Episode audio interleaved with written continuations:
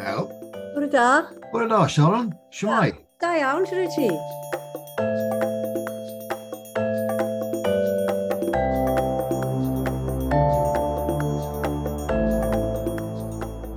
Helo, siwmai, croeso i chi, croeso i Cymeriadau Cymru wythnos hon. A, wel, ni'n lwcus dros ben wythnos yma i gael actores arbennig iawn, Sharon Morgan. Sharon, croeso gyda gyd i cymeriadau Cymru. Diolch yn fawr iawn. Diolch yn fawr, mae'n neis bod yma. Wel, chi'n be, fi wedi gwneud lot o ymchwil amdano chi, a mae lot o bethau, ond mae na fi ddechrau gyda'r trilingual yma. Cymraeg, Saesneg a Ffrangeg Nawr, fi'n siŵr bod hwnna wedi eich helpu chi gyda bron y bod falle y rôl cyntaf nath wneud eich enw chi falle yn Adam Bevis yn 1978, Sharon, yn Grand Slam o det. Ie, yeah, mae e'n rhyfeddol. Mae Odet yn dal yn fyw yn meddyliau lot o bobl yng Nghymru. Oedd hwnna'n, oedd e'n rhan rhyfeddol o dweud y gwir, achos fydde erbyn hyn, bydden nhw wedi castio rwy'n Ffrangeg. Wel, mae yna si, hmm. ond o'n i ddim yn gwybod bod nhw wedi castio rwy'n Ffrangeg, ond o'n i wedi bod yn gweithio gyda John Hefyn um, cyn hynny ar uh, Rhandir Mwyn, ond nhw'n gwybod amdano fi. Um, Ac ie, yeah, oedd, oedd yn Ffrangeg i yn, yn dda iawn rhaid i gynnu, bach yn rydlyd erbyn hyn. Ond, chymod, fe chi'n gweud, mae ma hwnna yn ffilm eiconig hyd yn hyn, really, os ti'n meddwl, 1978, sial, mae hwnna Canrifodd yn ôl, really, a nes ydy na, mae bobl, bobl newydd yn, yn fel sef nhw'n ail ddarganfod y ffilm, a chi'n meddwl gyda Dewi Pws a, a bobl na i gyd. Oedd yna'n brofiad, a gofio'n melus ydych chi hwnna, os?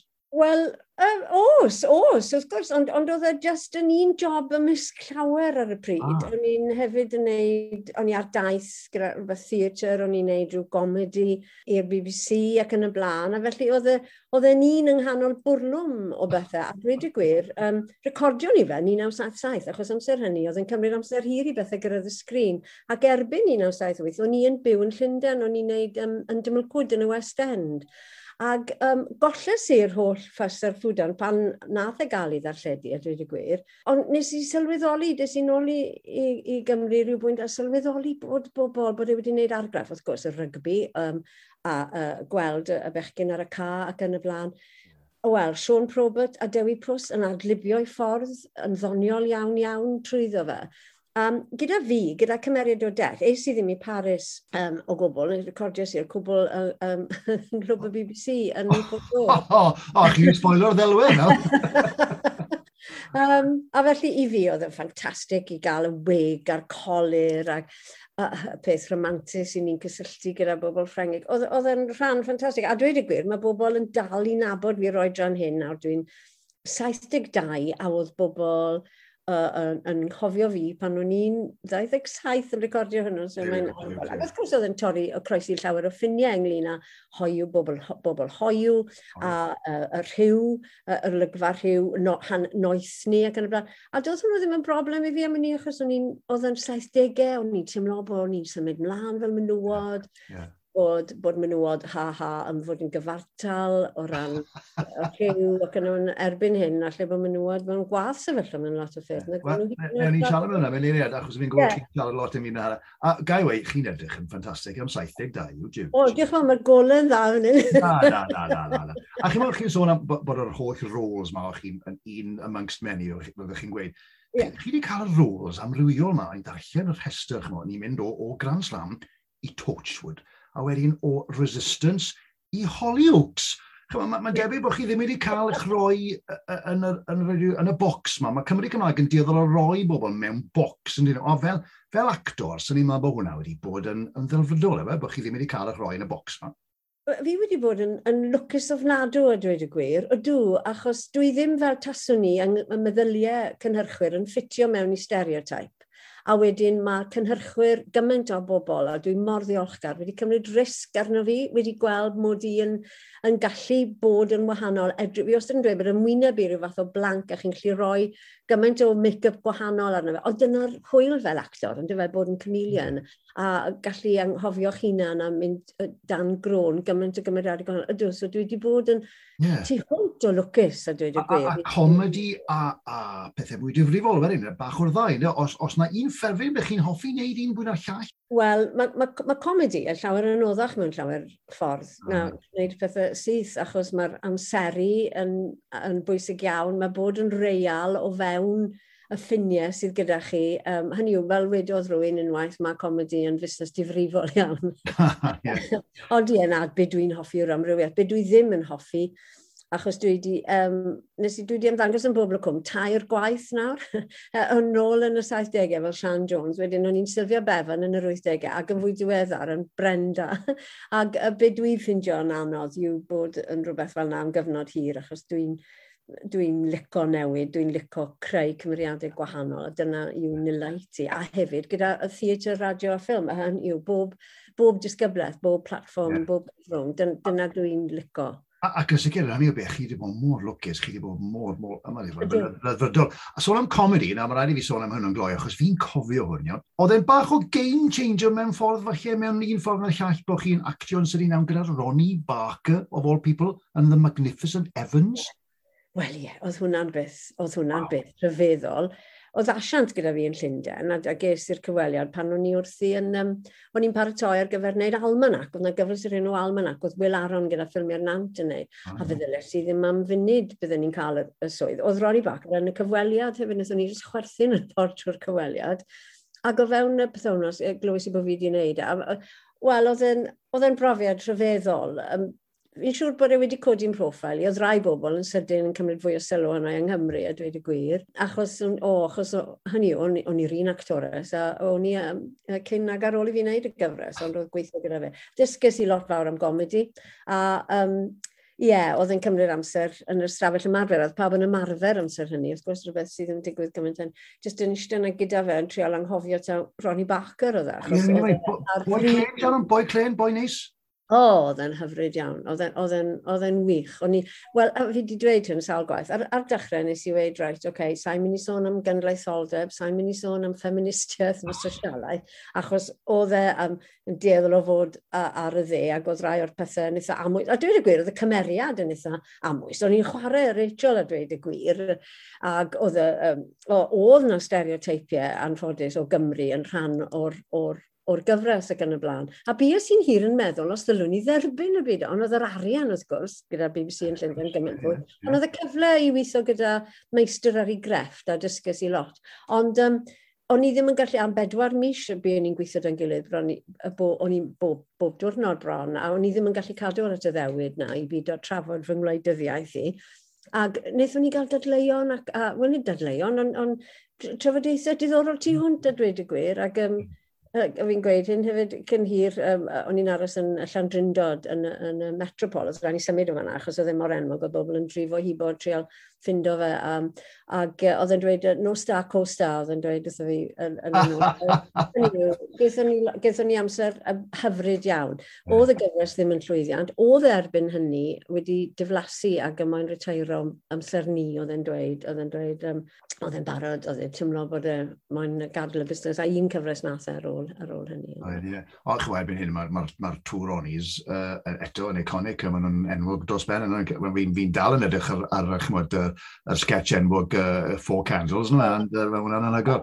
Na, chi'n bod, um, mae Cymru Cymraeg yn amlwg yn eich nabod chi uh, o ran eich rhannu'r Esbrydec, yn gynnwys tair chwae. O, fi'n cofio tair chwae, oedd hwnna, oedd hwnna'n superb. A, ac wrth gwrs, chi di ennill, nawr, oedd hwn yn eithaf unigryw chi di ennill, tri BAFTA Cymru ar gyfer tair chwaer, Martha Jack Asianco, a rhywbeth o'n i ddim mor gyfarwydd â hynny, Resistance.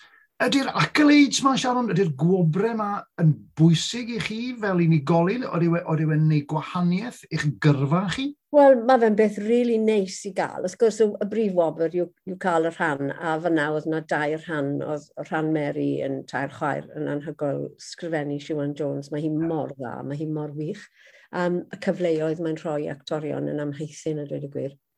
Oedd hwnna'n risg. Chwarae mam Donna Edwards, pan o'n i ddim ond rhyw bymtheg mlynedd yn hun a hi beth bynnag. A gymron o risg yn y fi fanna, ond oedd, oedd hwnna'n wych. Ac um, gyda Martha Jacoshanko, amwn i eto rhan anhygoel gwaith Cari Lewis, oedd hwnna'n rhodd o rhan. Ac yn Resistance yn chwarae Maggie Jones yn ddiddorol iawn, ni na i sôn am Owen Shears, yr, yr, yr awduron yn dyfer sy'n gyfrifol, a wedyn mae fe'n waith gyda pawb yn dyfer cyd-actorion a'r cyfarwyddwr. Um, felly mae'r y pleser ar wobr yw, yw cael y rhan a cael rhan ddifur gyda lot o gnawd yn ei, ei chwarae, ond odi mae'n mae e'n bydd hyfryd iawn iawn i gael cymrydwyaeth um, eich cydweithwyr chi a dweud y gwir. Yeah. Um, Ond wedi, yn, y dyfodol wedi, ar ôl cael yr, yr gobr yma, ydy casting directors neu ydy cyfrwyddwyr neu ydy asiant yn edrych, o, oh right, she's a BAFTA winner, we got to get her. So, yn hynny o beth, oedd wedi'n neud, neud cael roles arall yn haws? Fi'n credu bod e, mae fe'r ar CV mae'r asiant yn rhoi fe'r yn CV ar, ar ei gwefan nhw, ond dyfa, a dwi'n siŵr bod e'n gwneud gwaniaeth. Ydy, yn, yn, yn sicr bod e'n gwneud gwaniaeth, ond yn y diwedd, chi'n cael cyfweliad ar gyfer popeth, a wedyn mae'n dibynnu siŵr mae'r cyfweliad yn mynd, a a lwcus di'r rhan yn siwtio, ond dyfa, e? ond ydy, mae fe'n ma fe beth hyfryd. Chi'n gwybod, fi wedi siarad lot o actorion ar y podlediad yma, a mae lot yn dweud bod hi'n anodd, a maen nhw'n mynd off mewn cyfeiriadau eraill. Ydy hi yn anodd i actorion ifanc o Gymru yn arbennig falle i wneud, i wneud fywoliaeth mas o just actio, neu os rhaid nhw fod i fynd i drwy gyfeiriadau arall fe fi'n gweud fel dysgu neu bethau. Mae lot fawr fi chi'n meddwl am Delyth Erwin, yr Oedd hi'n actores superb. Ond mae wedi mynd i ddysgu achos oedd hi'n just yn fydd yn yr anodd. Mae yn anodd. Mae, yn, mae wastad wedi bod yn anodd. Mae cyfnodau gyda fi pan fi'n wedi bod yn edrych mas trwy ffenest a meddwl, o dwi'n mynd i werthu'r car nawr. Fel dwi'n mynd i fyw, fi'n goffo prynu bwyd lot chapach i'r gath.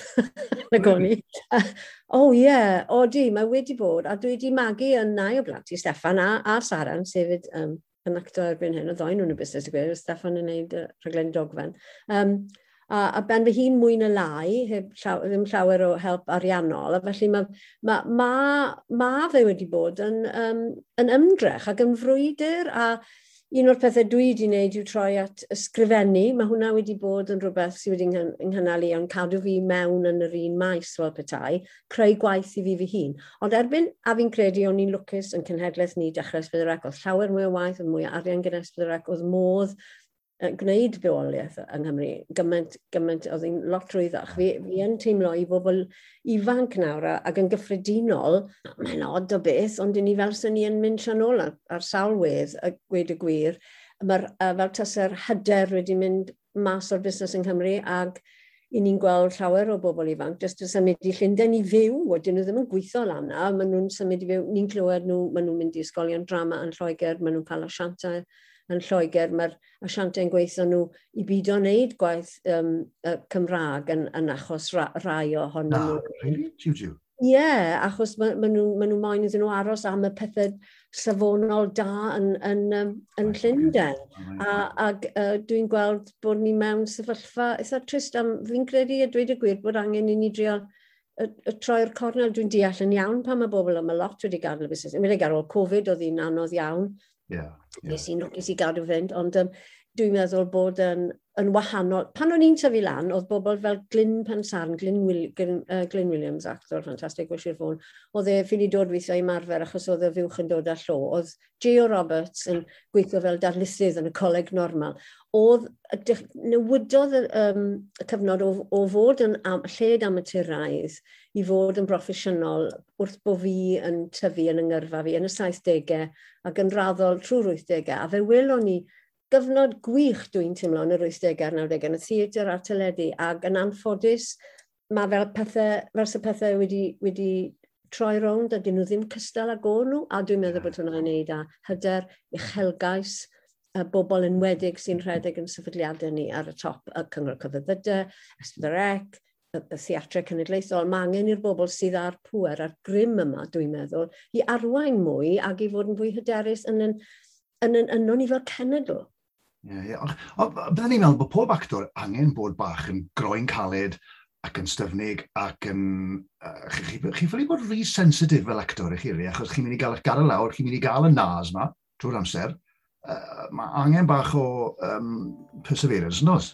O, a mae'n paradox rhyfedd yn diwe. Chi'n cael crwn fel elefant a chi'n gwybod bod y reswm yn sensitif iawn, iawn, iawn er mwyn creu cymeriad a chwarae rhan i weitha, a dweud y gwir. Hmm. Ond ie, chi'n gwybod just derbyn uh, bod chi'n mynd i fynd am llwyth o gyfaliadau a chi just ddim yn mynd i gael nhw. yeah, Wel, ie, yeah, mae hwnna'n anodd, fi, fi, fi, fi, fi, fi, fi, fi, fi, fi, fi,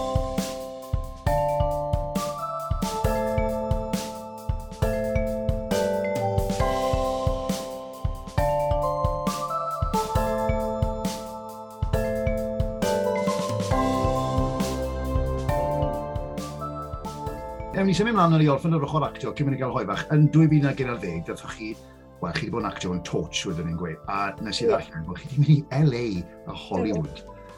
Nawr, oedd hwnna'n hwnna freuddwyd, oedd hwnna'n binnacle, yn ddethoch chi fwynhau'r profiad na?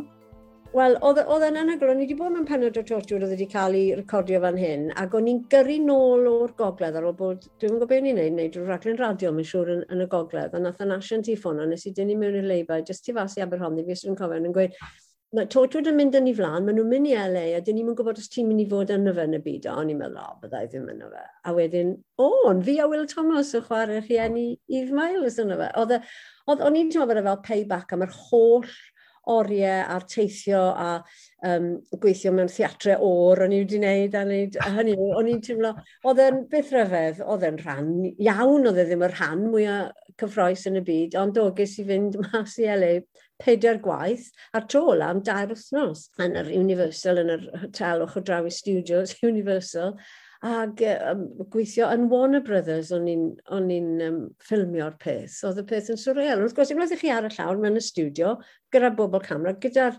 gyda cyfarwyddwr, mae e union rhywun peth a recordio rhywbeth yng, yng Nghymru, a creu rhywbeth yng Nghymru. So ddim, hynny yw, mae fe'n hollol rhywun peth, ond bod chi yn y lle Yeah. Wow, anhygoel yma. Gyda'r arwydd Hollywood y Ethiopia, yeah. bach wahanol. A, cael hedfan dosbarth cynta.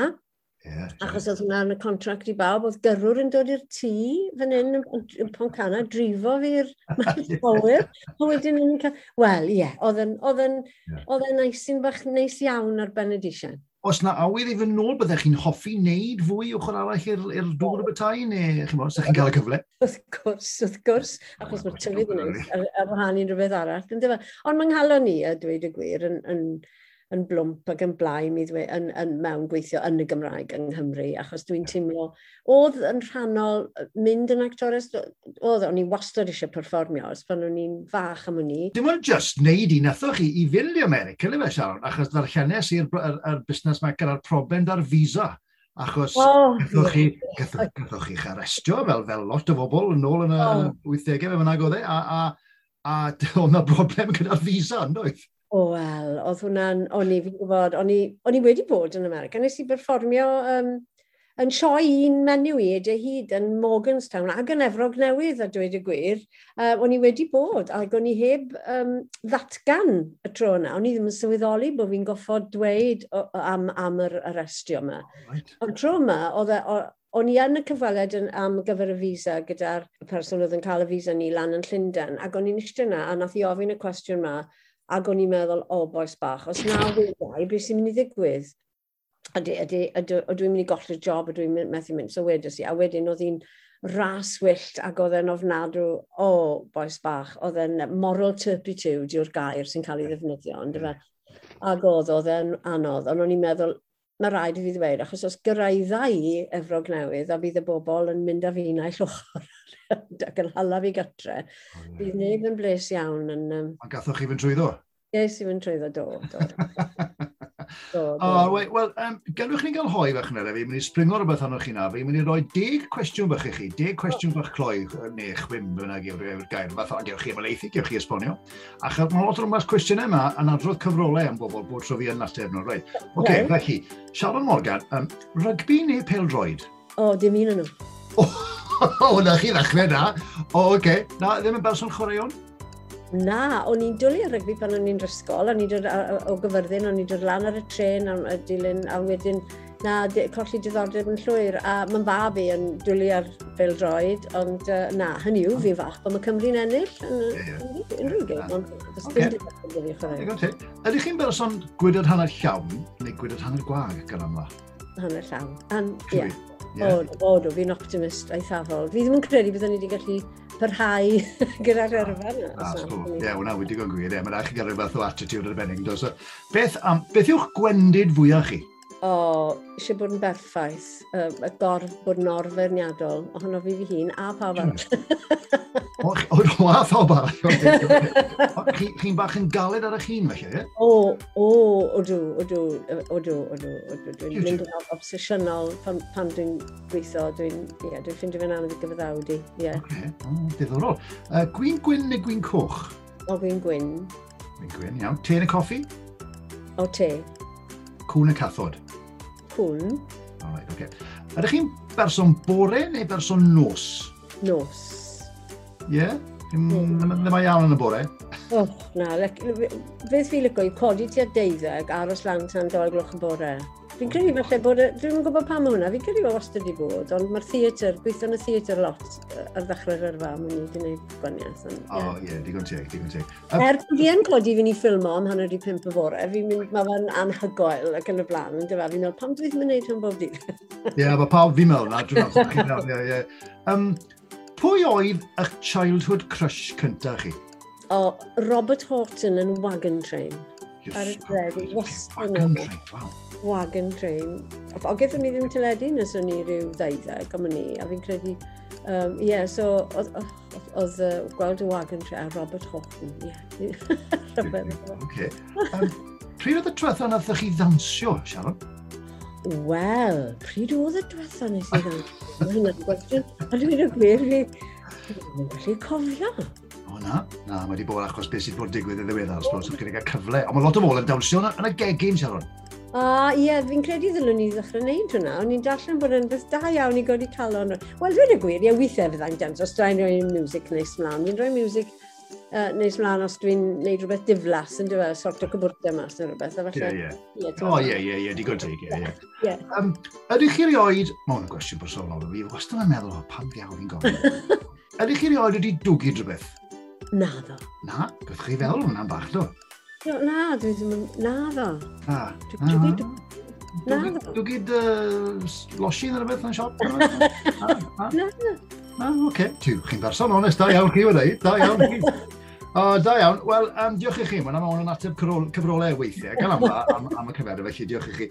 Um, Chymo, gadwch ni fynd nôl ar te i'r er, dechrau, chi. Nawr, gadwch chi'ch geni yn Siwgat, gathoch chi geni'n Glanaman? Na ddo, Gys i'n geni yn Clawdd Owen sef, um, na gyd sy'n na yw, yw tŷ a ysgol uh, ddim yn bell o Abergorlech, ddim yn bell o brechfau o'r falle llencyfrdd y bobl. Achos oedd yn hadu'n brifathro ysgol gynradd, a ges i'n geni yn y tŷ a dweud y gwir, achos yn cedi oedd, oedd taifoid yn y diphtheria yn rhywbeth yn, yn yr ysbyty yn, yn gyfyrddin. Oh, Felly ges i'n geni yn Glawdd Owen, a wedyn mae teulu wedi greiddio yn Glynyman. Mae'n ma, ma had gyda nhw i magu ar yr un stryd, hawl ti'r cold yn Glynyman.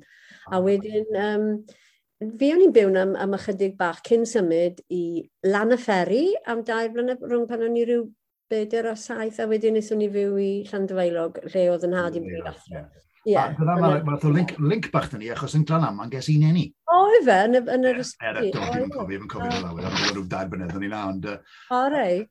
Yn hynny o beth, chi'n newid siarad am eich rhieni, oedd e'n weddol anochel mewn ffordd bod chi yn mynd i fod yn actores, so e, efe dyna'r fath o rieni o'n, dyna'r fath o deulu, dyna'r fath o ddiwylliant oedd yn y teulu, Ne? Na, llyfrau a syniadau oedd yn y teulu, ie, yeah, a, a bod yn academaidd wneud yn dda yn yr ysgol, dyna oedd y pwyslais yn, yn y teulu. Ond oedd yn fam mi yn dwlu ar hyn ffilmiau a oedd hi um, yn mynd â fi i wylio uh, i'r cinema, lyric yn gyferddin ac yn y blaen i weld pethau fel High Society, The King and I. Oh, High Society, fi'n caru High Society. O, oh, ie. Yeah. O'n i'n gwrando ar gerddoriaeth yn y car drwy'r amser, a Bing Crosby a, oh, yeah. a Louis Armstrong, o, fi'n caru fe. Ond oh. chi'n sôn am eich rhieni, chi di, chi di siarad sawl gwaith ynglyn â'r gefnogaeth gathoch chi, fi'n gwybod falle bod nhw eisiau chi'n un yn dda, ond amser wedwch chi, falle fi, fi eisiau bod yn actores, o'n nhw'n iawn o hwnna? O oh, ie, yeah, ond nhw'n rhieni oh. rhydrydol iawn, iawn, iawn, a dweud y gwir. O flan i hamser, o'n wedig yn fan i, oedd hi'n fodern iawn yn fan i. Ac uh, na, dim yn gwybod, oedd yna drafodaeth, wrth gwrs, oedd rhaid i fi fynd i wneud gradd. Doedd ddim, um, nes i radd mewn hanes yn, yn Gerdydd, hmm. oedd y syniad o fynd i wneud drama mewn coleg, ddim yn rhywbeth um, Oh. Oedd yn... Um, achos oedd rhaid i fi gael rhywbeth i gwmpo nôl arno fe. O, ie, ie, ie. Ie, dysgu lot yn gwneud, mae'n i ddysgu gynta a wedyn, ond fel ydych chi'n gweud, ydych chi'n gwneud gradd yn hanes, o gathoch chi ryw'r cyfle i ddefnyddio y gradd mewn ffordd, o fe? dim ond unwaith fi wedi defnyddio fe yn um, gyfres y drama ddogfen Codi Clawr Hanes am hanes um, rhywioldeb a, um, yn oh. y teulu adeg oes Victoria nes i Taliesin. Oedd hwnna'n, hwnna uh, y ddifur iawn. A mae gyda fi ddiddordeb ysol yn hanes a dwi'n gwaredwyddo bod Llywodraeth Cymru ddim wedi cefnogi dysgu hanes yn yn ysgolion. Dwi'n tan uh, y cytundeb cydweithredol mae gyda Plaid Cymru nawr achos dwi'n teimlo'n grif. Hynny yw, mae gyda fi A dweud y gwir, dwi yn meddwl ddylai bod falle fynd i coleg pan maen nhw'n hynach. Achos, hynny yw, um, byddwn ni falle mwynhau wneud gradd mewn hanes mwy nawr na, na nes i ar y pryd. Ond, ie, um, yeah, dyna oedd oedd y peth, o'n i yn, a nes i'n fwriadol ddim wneud ymarfer dysgu, rhoi gofyn byddwn ni byth yn cael yn hemtio, neu oh. so, dim cymwyster ymarfer dysgu gyda fi.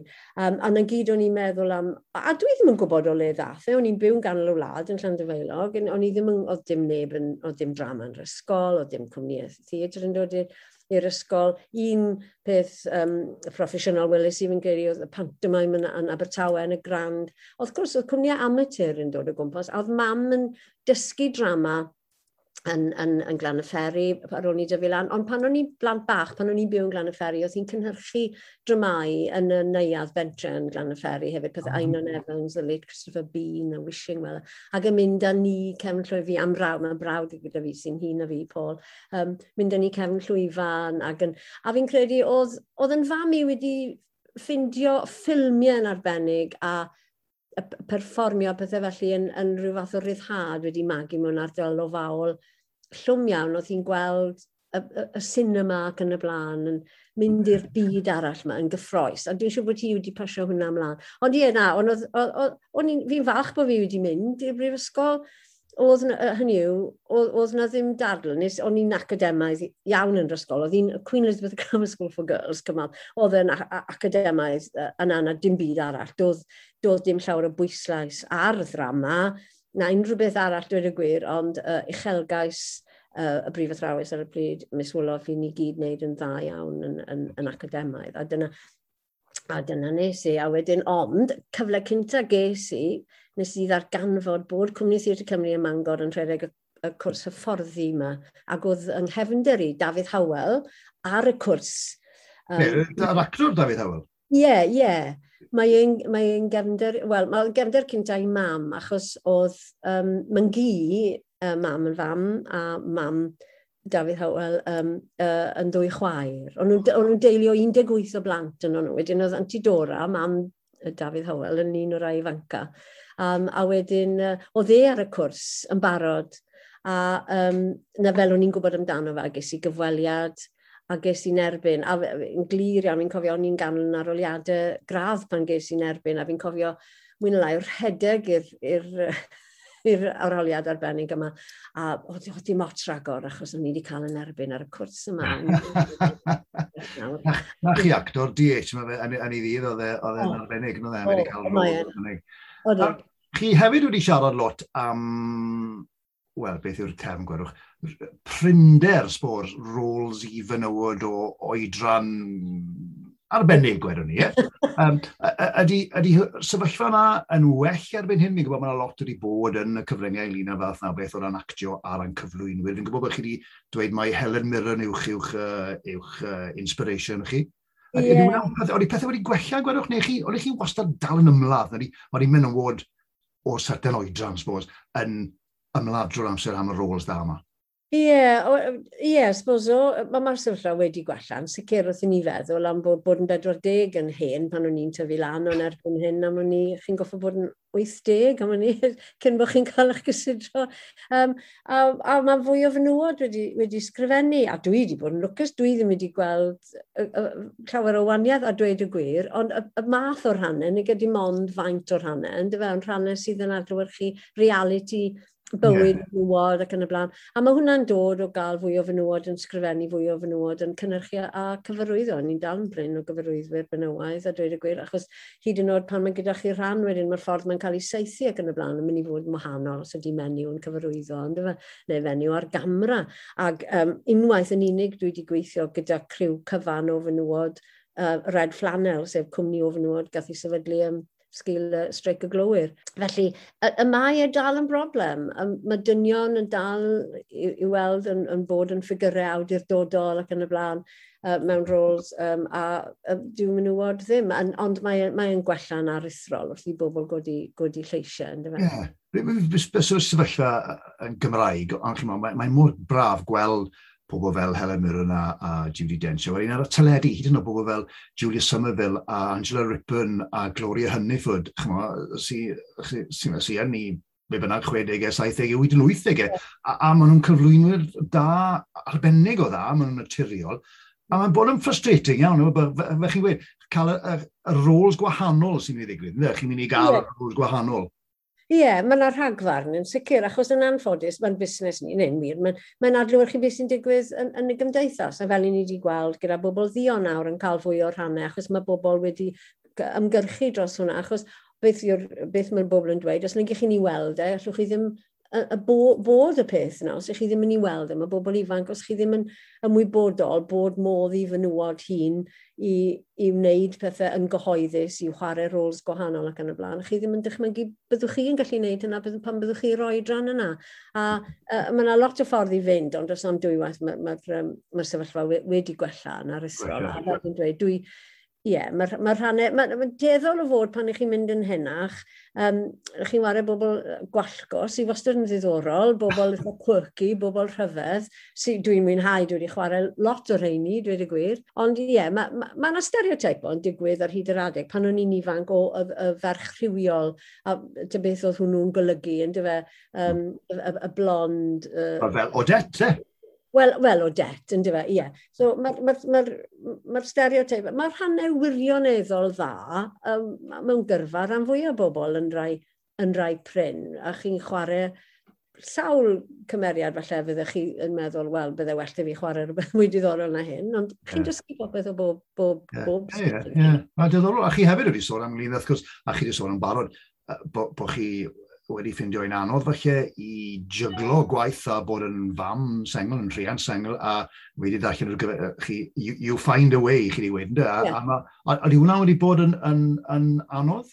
Odi, mae yn anodd, odi, meddwl bod yn anodd i unrhyw rhiant a dweud y gwir. Um, erbyn hyn, um, dwi'n fam gi, a, a dwi'n dwi gweld uh, fy mab a, a'i wraig yn, yn ffindio'n anodd am mai yn y newyddion ar hyn o bryd, bod gofal plant, sydd, mae yna fwy ofal plant o gwmpa, mae'n bwnc mae pawb yn trafod nawr, a mae tu hwnt o ddryd, a mae, mae trial, a dwi wedi dwi dweud hyn hefyd, bod angen chwildroi y ffordd i ni'n byw mewn cymdeithas a rhoi um, blaenoriaeth i, i ofala, i bobl sy'n gofalu y ein blant, neu'n bobl hun, neu'n bobl gyda anableddau neu beth bynnag, bod ni'n newid y gymdeithas i fod yn gymdeithas sydd â ots am y gwana a sydd yn rhoi um, y pethau o flaen wneud elw a oriau gwaith sydd ddim yn gwneud unrhyw synwyr. A hynny yw, mae'r oriau gwaith ofnadw a pawb yn teimlo bod nhw bod rhaid iddyn nhw weithio uh, trwy'r trw synas, trwy bob dydd, trwy'r nobeth bynnag. A, a, yeah. um, Mae ma, bobl yn trio wneud rhywbeth amdano fel fi chi'n meddwl am Sophie Howe nawr, yr uh, Future Generations. Oh, ie, ie. Newydd, yeah. fewn Cymru o fewn Llywodraeth Cymru.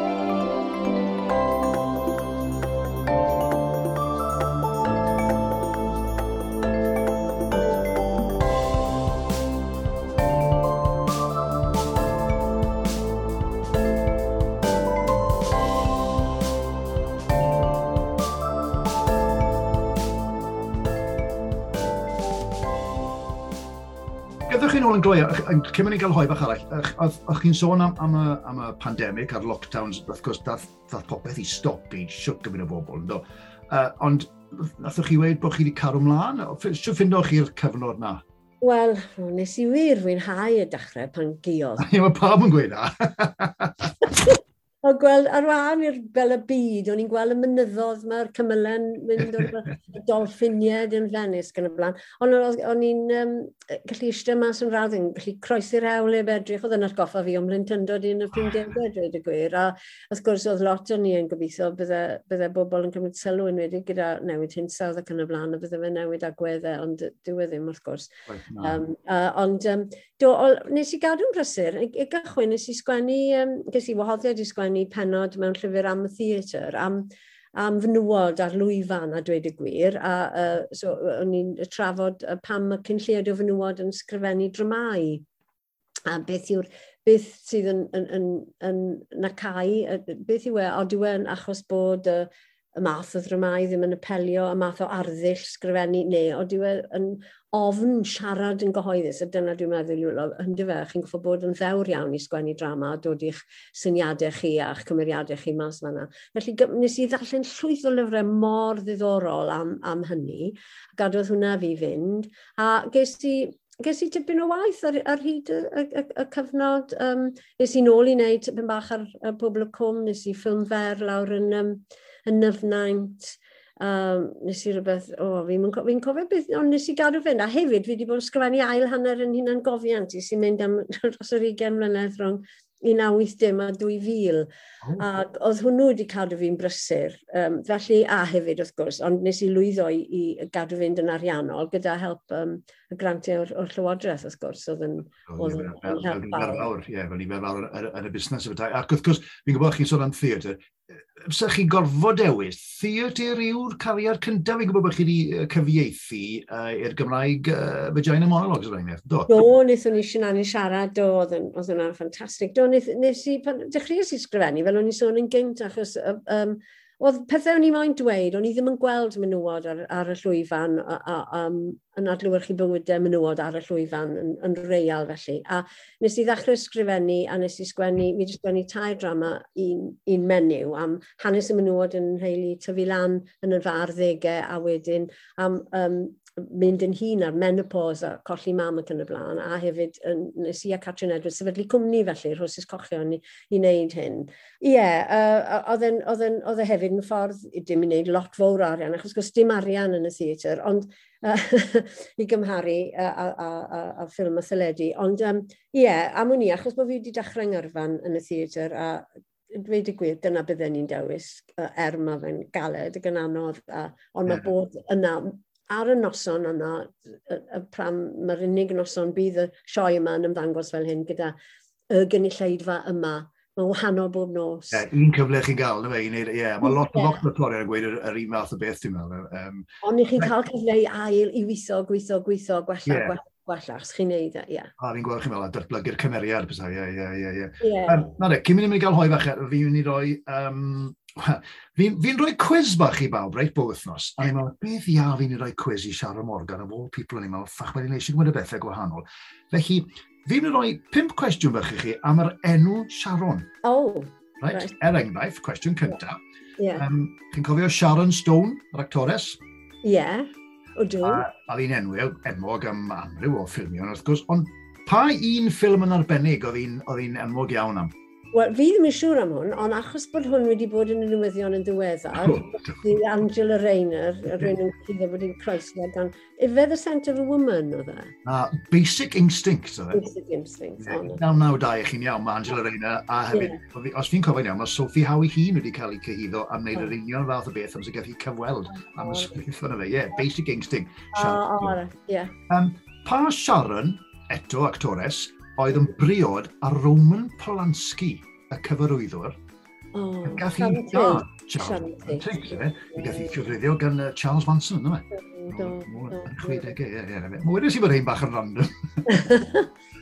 Ond, beth yw ystyr yr enw, Sharon, yn y Hebreeg? Chi'n gwybod?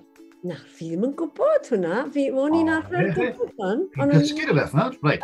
Well, um, fertile plain. Ah, ie, yeah, wrth gwrs. Yn y Beibl. Sharon, achos mae'n yeah, mae le, yn dweud? Ydy, mae'n darn o dir o arweilod yeah. mynydd Carmel yn o bobson. Na fe, achos mae'r hwsyn yn y, y, rhosyn Saron. Ie, yeah, a mae Sharon, wrth gwrs, a Sharon yn... Ie, ie, ie. Rhaid, wel, hollio wahanol, Cagni yn Leisi, chi'n cyfan na? Gyfres dyledu yn yr 80au? Na fe, pa un oedd yr actores Sharon Gless? Cagni neu Leisi? O, fi ddim yn gwybod, fi, fi jyst dyfalu, mae wedi bod yn casualty ti cwbl o flynyddoedd yn ôl, ond how, e, wedai cagni then. Eh, cagni chi'n iawn. O, oh. iawn. 50-50 oedd yna, fe, wedi bod, ie, ie. A wedyn, yr un ola, uh, Sharon Osborne, yn briod wrth gwrs a Ozzy Osborne, yeah. ond carwr pa fand oedd Ozzy Osborne? Fi ddim yn cofio, fi ddim yn cofio. A, a wnaed dewis i chi, Deep Purple, Black Sabbath, neu White Snake? O, oh, dwi ddim, tamed callach. O na! Oce, ti'n gwybod. Newydd, newydd. Black Sabbath. Black Sabbath. Ozzy Osbourne. Y boi bach gwyllt yn ei ddydd. O na fe, wel fi wastad yn rhoi hynna, achos mae'r bach yn rhan newid wedi lleia. Na fi hefyd wedi darllen cyn gorffen, bod chi'n... Sa'n credu bod chi'n fenyw sy'n lygo eistedd lawr a neud i byd, ych chi? Chi'n mynd lygo bod yn gef yn gweud yn gweud hiawin. A chi wedi gweud, I always like having five or six things on the go at once. A yeah. beth yw'r cynlluniau felly ar gyfer y, y dyfodol? Ydych chi'n un sy'n wastad yn edrych am y peth nesaf, peth nesaf, peth nesaf?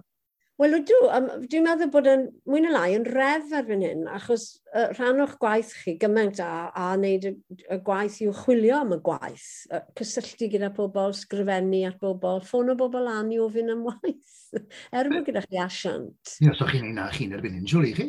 O dw, o bryd i'w gilydd. Mae'n dibynnu uh, beth yw'r beth yw'r beth sy'n digwydd, ynddo fe? Um, a, a dwi'n ffonio'n asiant lan a gofyn beth sy'n mynd mlaen, a dwi'n nabod rhywun sy'n gysylltiedig. Um, ac um, lot hmm. fawr o'r amser, fi'n cael fi'n cael um, cynigion, yn dyfe? Lot fawr o'r amser, a fi'n cael cynigion am gyfaliadau fi ddim yn cael ac yn y blaen. Ond cadw'r glist ar y at y llawr, e? yn fe, yn gwybod beth sy'n digwydd a pwy sy'n neud beth. Oherwydd, a dwi'n cael pensiwn, achos bod fi'n hyn iawn, os gysi'n gen i 1949, dwi'n yn fenyw lwcus iawn, achos yn anffodus, wrth gwrs, mae'r oedran pensiwn wedi bod yn mynd lan a lan a lan, ond dwi'n gyda fi pensiwn, ond um, dyw e ddim, dyw bod yn actores, ddim, ddim, chi'n goffo pidio wneud e am yr arian, enwedig os chi moyn, um, os ych chi'n, wel, ni'n sôn yn, yn gynt, ych chi'n gweithio yng Nghymru, a ydych chi ddim yn un o'r prif ser yn, yn Lloegr neu yn America neu rhywbeth, mae rhan fwyaf o'r acto, actorion yn ddim yn mynd i fod yn bobl cyfoesog. Chi'n gwybod, so chi'n goffod meddwl am ffyrdd i byrhau ennill arian. A hefyd, wrth gwrs, dwi'n caru'r gwaith trwy'r gymaint, fi ddim yn stopo gweithio. Yeah. Fel Richard Thomas oedd yn gweithio yn ysbrydyn 89.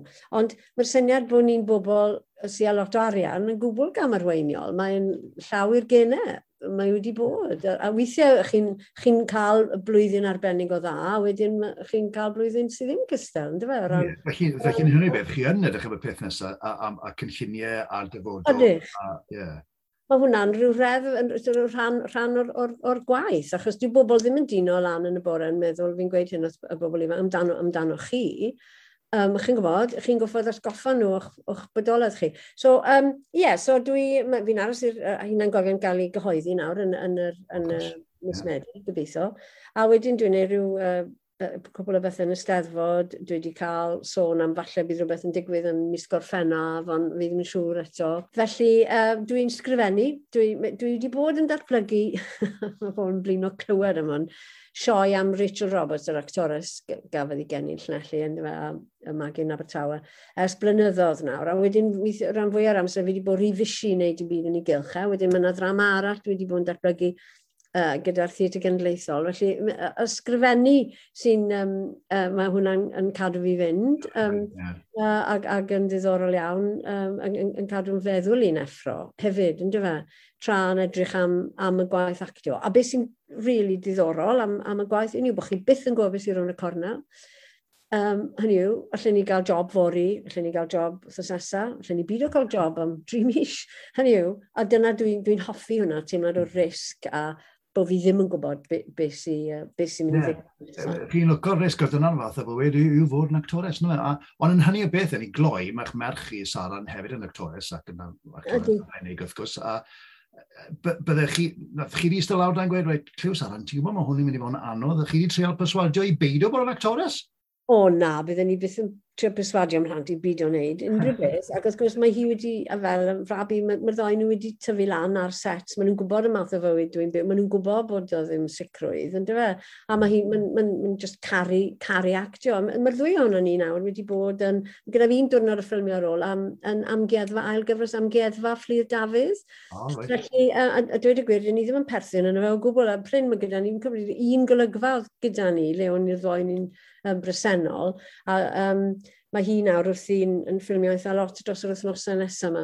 Na, mae hi'n gwybod pwy mae'r anodd mae fe. Mae'n gwybod pwy mae'r anodd. Mae, mae hwnna'n rhywbeth i ti'n goffod derno, ond byddwn ni byth yn, yn stopo, achos fi'n credu bod yn beth ofnadw os, os, os ych chi'n caru rhywbeth. A, um, teimlo bod rhywbeth yn gymaint yn rhan o'ch natur chi a chynaniaeth chi So dyna'r unig beth sy'n gwneud chi'n teimlo'n grwn mewn ffordd, bod chi'n stopo'ch hunan neu bod chi'n stopo unrhyw un arall i wneud hwnna. O ie, ie, ie. A, a, fel i mam, mae hi'n actores arbennig o dda, felly... Uh... Mae yn wych, odi, odi. A mae'n iawn... Fel i mam, fel i mam, fi'n gweud, ddwy o chi'n amlwg. A chi'n meddwl beth fi'n mynd i stopo na, fi'n clywed y boi scrap ti fas yn gofyn am, am scrap. Chi'n meddwl, mam, mae'n round y tai wedd e bob di chi. Ei, mae wedi bod yn bleser i, i, i gwrdd chi go iawn y bethau hyd yn oed a drosodd y gyfeiriadau. Diolch galon chi am eich amser chi. O, dwi wedi mwynhau, croeso. Glywed am eich, am eich gyrfa chi a'ch eich bywyd chi. Cyn bod fi'n gadael chi fynd, fi'n mynd roi un cwestiwn bach arall chi. Chi'n chi mynd i gael rhywbeth efnos fach ar yr ynys golledig yma, ar ben eich hunan. Ie. Yeah. Dim, dim plug, dim trydan yr ynys yma, ond beth yw'r un peth i chi mynnu mynd gyda chi i wneud bywyd bach yn haws? O, oh, mae hwnna'n cwestiwn anodd. Ne, weithio fe bod os oes un peth chi chi'n mewn top eich pen sydd o, mae rai fi gael hynny, felly mae bywyd i fo'n anodd ar yr ynnes gyllid. Wel, mae rai fi gael uh, papur a pen. O, ie. Papur a pen, i sgrifennu. Sgrifennu, ie. A, a sgrifennu'r drydydd gyfrol o'r hunan gofio, falle. Yn union.